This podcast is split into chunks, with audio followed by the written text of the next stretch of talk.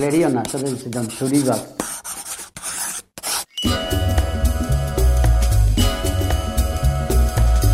Klariona. Esteila sindikatuak eta Bilbo iria irratiak elkarlanean eginiko saioa. Eskuntza gaietan murgilduko gara datozen minutuetan eta horretarako gonbidatu dugu Ana Perez Esteilas sindikatuko kidea eta gaurkoan eskola laikoa sarituko gara. E, zer da eskola laikoa? E, hori esaten dugunean, zeren inguruan hitz egiten ari gara? Bueno, ba, batez ere eskola laikoa defendatzen duguna, esaten dugu erlijioa eremu edo bai, eremu pribatuko sinesmena dela ez da eta orduan hori landu behar dela e, ba, lagokion tokian. Ez du, pentsatzen dugu eskuntza, eskuntzan ez dela edo eskuntza ez dela tokia erligioan edo sinesmenetan aritzeko. Horretarako daude pues, erligio katolikarako dago, daude ileisak musulmanentzako mezkitak sinagogak eta mm. barrez da. Orduan pentsatzen dugu eskola laikoa dela eta holan izan beharko zen inklusibe izateko ez egiteko banaketa familien sinesmenaren arabera.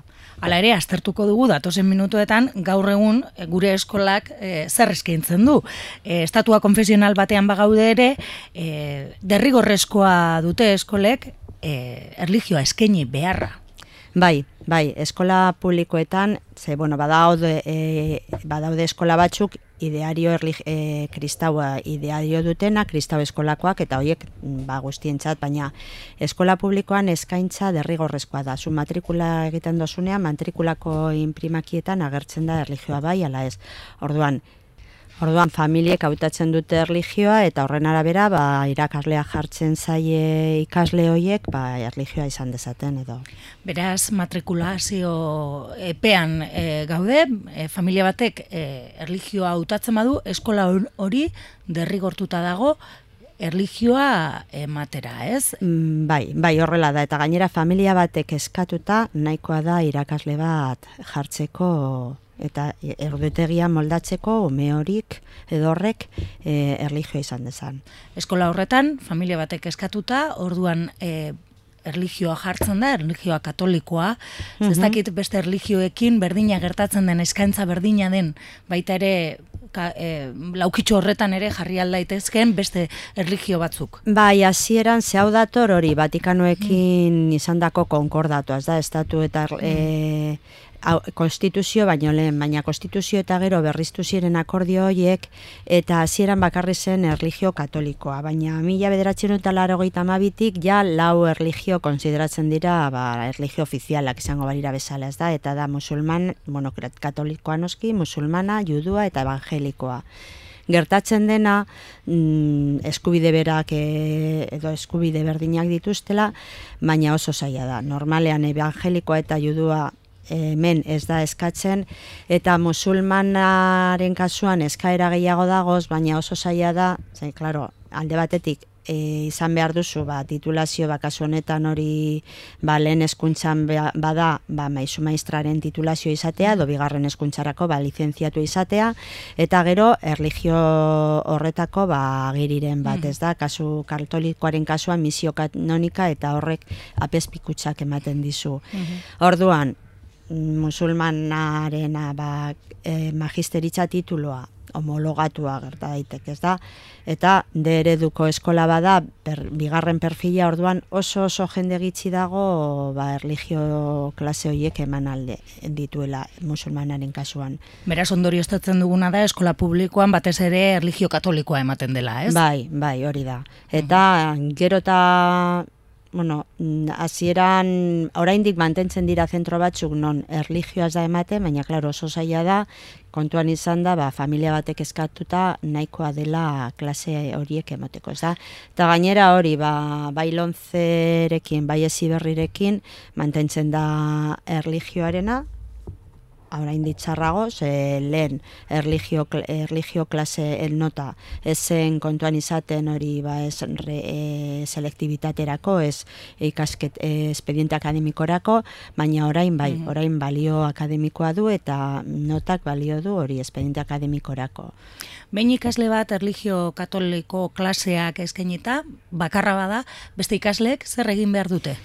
Ba, beste ikasleak... Ze aukera dago? Bai, ba, beste ikasleak geratu behar dira e, tutorearekin normalean eta ba, batzuetan baloreak esaten dute edo, baina, klaro, eskuntza zibikoaren inguruan, ba, bueno, hori guztiek jason behar dute, ez da?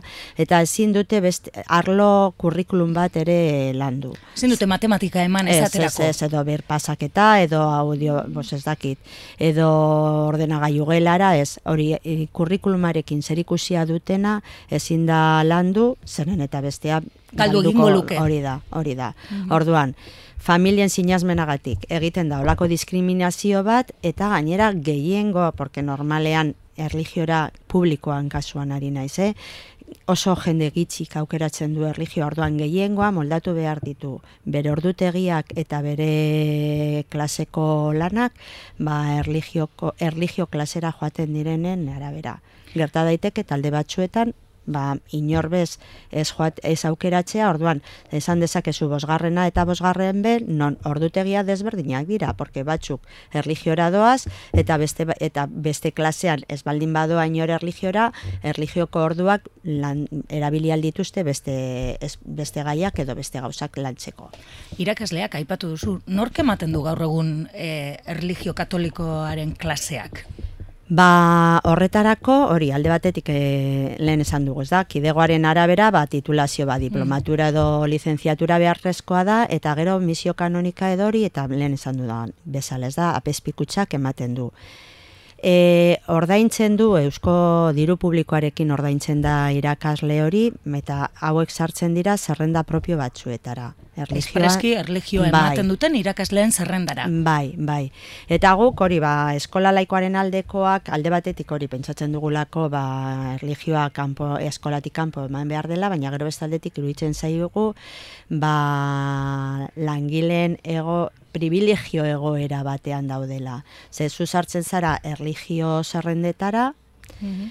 ze hoiek egoten dira normalean zabali urte osoan, ez da? Eta bigarren urtean zu sartu altzara beste zerrendetara, hau da, zuk demagun eh, lehen eskuntzako titulazioa baduzu, ba orduan lehen eskuntzako zerrendetara pasatu altzara, baina zerrenda hoietak edo hoiek urteak egon dira itxita, hau da, Mhm. jende berriak ezin zuen hortik zart, edo zerrenda horretara sartu, baina erligio zerrendatik salto egin altzen nuen, eta gero, ba, urte batzuetan ere nahi izan ez gero, usten zenion erligioari emotea, erligio klasea emoteari, eta ba, azten zinen beste espezialitatearekin. Orduan iruditzen zaigu, bueno, ba, hori dela e, privilegio egoera bat, Mhm. Eta eta oso salagarria eta bigarren hezkuntzan ba titulazio beste titulazio batzuetan izaten dira dutelo, teologoak edo filosofoak edo beste dozein arloa izan dezaket ez da Euki behar dutena da misio kanoniko hori, bai, ez? bai, bai. Eta orduan, lehen bakarrik eman alzuten erligio klaseak, orduan, ordutegia osatzeko, ba, zentroak behar ditu, beste beharrak edo betetzeko erabiltzen ziren, ez da? Ba, zaintzak edo baz- ba, batzuetan irteretara edo laguntzak edo desdoble batzuk e- egiteko eta holan egiten zen, ez da? Baina orain auker, hori gainera ba, Eusko Jaurlaritzak sinatu zuen hori mai oro, ma, olako erligio mailan eta onartu zen hori ba or- ordutegia osa dezakete daukaten espezialitatearekin. Orduan, ordu hoiek kentzen ba filosofiakoa basara, ba filosofiako irakasleari modu batez kentzen dizkio oso ordua, porque normalean hauek izaten dira laboralak, kontratu laborala izaten dute, orduan lehentasuna dute aukeratzeko eta bueno, ba horrelako gauzak salatu eta salatuak izaten dira, baina bueno, Mhm. hemen zaila da eta gainera lonzerekin, ba oraindik zailagoa. Mhm. Ze kontuan izaten badugu hori ja balio akademikoa duela, e, batxilergo bigarren batxilerrean e, hautaskoa dala, Baina Eh, notarako balio du, bai, beraz. bai. Eta orduan ditu ba, filosofia edo beste dozein arlo dituen ordu kopurua. Ja ez da azteko saio bat edo saio bat eta erdi, baizik eta ba, hor ba, filosofiak dituen beste. Eta orduan dauka tra, filosofia duen trataera bera. Ze filosofia batxi, bigarren batxilerrean hautaskoa da ere. Mm. Eta hori lontzek, eh, bueno, lontzeri esker, esan dezakegu. Bueno, ba. bueno lontzeri esker eta hemengo hezkuntza saiari esker, mm porque beste erkidegoetan hori hezkuntza saiak egin dutena da blindatu eta filosofia da derrigorrezkoa bai batxiller osoan. Hemen lehenengo batxillerrean bai, baina bigarrenean hautazkoa da. Beraz, esan dezakegu oraindik asko geratzen dela eskola laiko bat izateko. Bai, Bai, bai eskola. Geratzen da egiteko. Bai, bai, bai, bai, gainera hori legeek aukera ematen diete horretarako orduan, ba, bueno, konkordatua hor dago, Elisa Katolikoak indarra handia duela eta hemengo ez, mm, bueno, ba, eskuntza edo legeek, eskuntzako legeek ez diote aurre horri egiten. Zekago gizarte inklusiboa nahi baldin badugu eskola inklusibo izan behar da eta orduan inklusiba izateko nik uste edo guk uste dugu laikoa izan behar dela derrigorrez. Bueno, ba, hemen utziko dugu, eskerrik asko, eskola laikoa zer izan beharko lukeen e, azaldu izanagaitik, eta baita ere gaur egun hezkuntza publikoan nolako eskaintza eta derrigorrezko aukerak dauden. Eskerrik asko, Ana. Bai, eskerrik asko zuei.